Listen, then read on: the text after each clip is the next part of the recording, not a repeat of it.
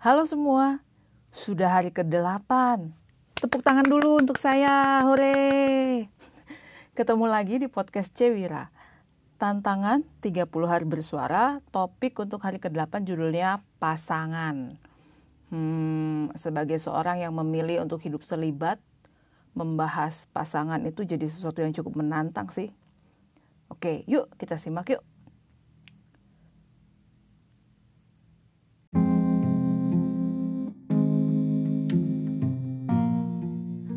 Suatu hari, guru meditasi saya ngebahas tentang pengalaman beliau memberikan ceramah di suatu prosesi pernikahan di Indonesia. Beliau iseng tuh bertanya kepada pasangan mempelai, mempelai perempuannya, "Kenapa kamu pilih dia sebagai suamimu?" Gitu tanyanya. Dan mempelai perempuannya sambil senyum-senyum malu gitu jawab, "Ya, karena dia senyumnya manis." Saya ingat banget ekspresi guru saya waktu cerita. Dia menutup wajahnya dengan satu telapak tangan dan berkata, "Oh my goodness." Ya, beliau prihatin dengan jawaban mempelai perempuan ini. Beliau merasa itu jawaban yang sangat anak-anak banget. Karena bagaimana senyum manis ini akan sanggup membawa kebahagiaan dalam pernikahan mereka untuk jangka waktu yang lama. Mungkin bisa, mungkin juga tidak. Ya kita nggak pernah tahu ya. Tetapi bagaimana dengan kesetiaan dengan tanggung jawab dengan hormat komunikasi dua arah. Jadi bukan sekedar hanya habis senyum dia manis sih. Dan kami membahas hal ini dengan serius waktu itu. Nah saya ingat nih pengalaman terapi uh, ketika menangani pasangan suami istri yang ingin berpisah. Rata-rata mereka sudah menikah cukup lama, ada yang sudah punya tiga anak, ada yang sudah anaknya remaja, dan kebayang dong setelah puluhan tahun apakah hanya senyum manis saja yang bisa membuat masalah itu hilang dan membahagiakan pasangan. Kayaknya agak susah ya karena kan kalau kita lagi kesel disenyumin juga belum tentu hilang marahnya ya sering kali orang menikah tidak memiliki kriteria pasangan ideal tidak menetapkan kriteria pasangan ideal yang dia inginkan atau juga tidak menetapkan dirinya akan menjadi pasangan ideal seperti apa. Padahal kan dalam pernikahan itu ya pasangan akan diajak hidup bersama, membina rumah tangga untuk waktu yang lama, kemudian membimbing buah hati. Dan apabila diberkahi umur panjang ya nanti pasangan ini akan mengisi hari tua mereka dengan bahagia. Harapannya begitu. Jadi penting nih menuliskan kriteria pasangan ideal supaya tahu nih kita mau jalani hidup sampai nanti dengan orang yang seperti apa.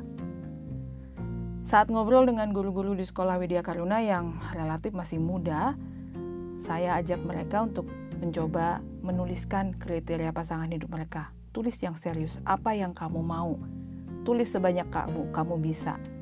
Terlepas dari siapa pun pacar kamu saat ini. Saya bilang gitu sama mereka. Gak berapa lama, ada satu guru yang datang ke saya dan cerita. Dia menuliskan kriteria pasangan idealnya. Dan dia bilang ehm, pacar saya banyak perubahannya bu katanya. Saya tanya kamu kasih lihat kriteria pacar yang ideal ke pacar kamu? Dia bilang enggak bu saya nggak kasih lihat. Tapi bener yang Bu Wira bilang pasangan saya itu berubah menyesuaikan sesuai dengan apa yang saya tulis.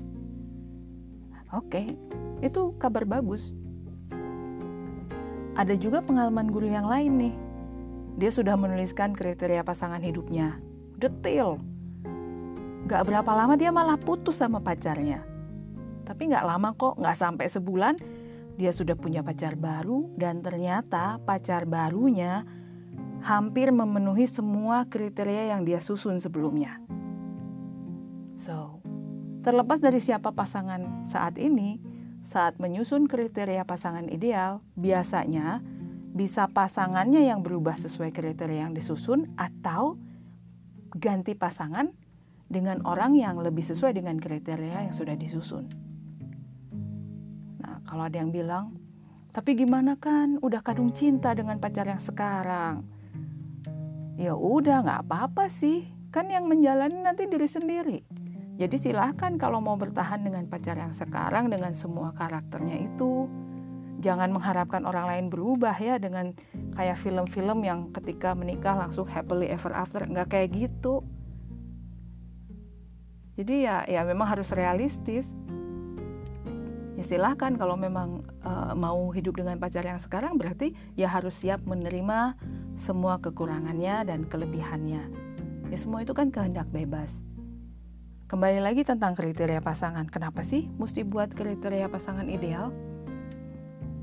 Nah, ada satu lagi nih contoh. Klien saya sudah hampir pisah sama suaminya. Setelah terapi, kemudian dia baru melihat, baru menyadari bahwa dia tanpa sadar mencari sosok pasangan yang usianya jauh lebih tua. Ini karena dia nggak punya ayah dan figur ayah itu digantikan oleh kakek dan dia sayang sekali sama kakeknya. Ketika kakeknya meninggal, dia nggak ada di tempat, nggak ada di rumah, jadi dia mengalami penyesalan yang sangat mendalam. Dan dia mencari pengganti cinta dari kakeknya adalah dari lelaki yang usianya jauh lebih tua. Nah, kalau misalnya pasangan memiliki usia yang rentang usianya cukup jauh, pastinya ada konflik-konflik tersendiri. Karena apa?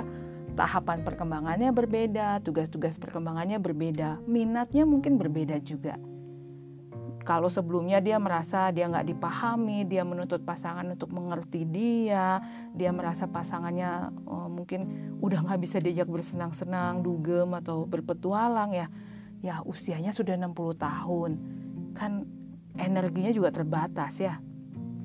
Dan setelah dia paham, dia jadi lebih bisa menerima pasangannya. Oh iya, untuk orang yang usia segitu dengan kondisi yang begitu ya wajar sudah ingin mencari ketenangan hidup bukan lagi yang mau mencapai apa mencapai apa. Beda beta beda tantangannya.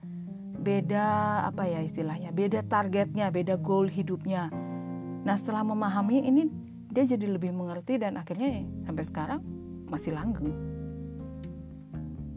Ada juga kasus waktu kecil dia tahu ayahnya selingkuh dan sering menyakiti ibunya dia benci banget sama papanya. Dan dia punya tekad, nanti kalau sudah besar nggak mau punya suami yang suka selingkuh dan suka mukul. Dan Anda tahu kelanjutannya?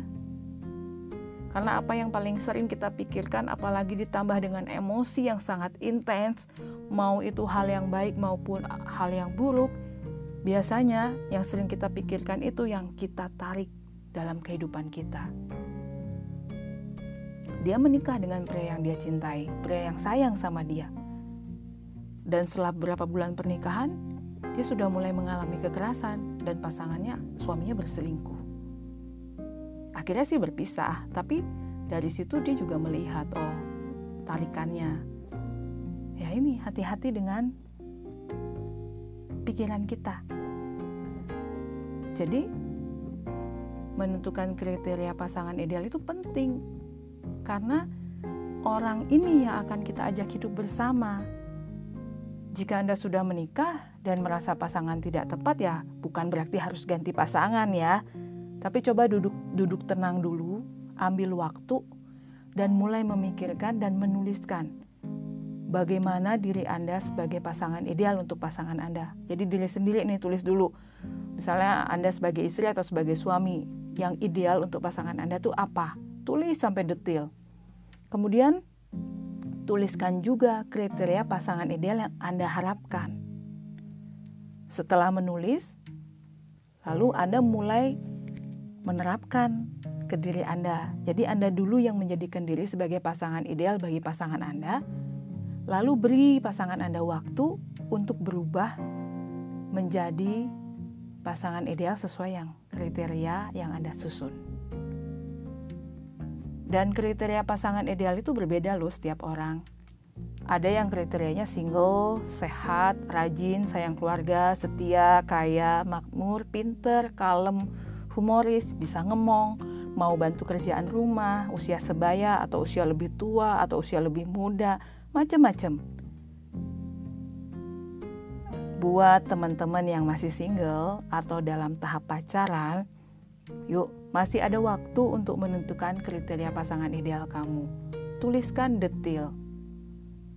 Kalau udah yakin komunikasinya bagus, nggak apa-apa dikasih tunjuk ke pacarnya. Jadi pacarnya juga tahu harapan kamu apa.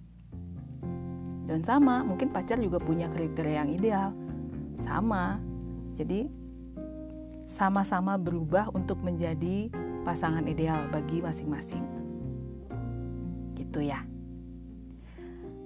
Oke, sudah di penghujung podcast Cewira eh, episode 8. Sebelum menuntut pasangan jadi sosok ideal bagi Anda, ayo periksa dulu Apakah Anda sudah jadi pasangan yang ideal bagi si dia?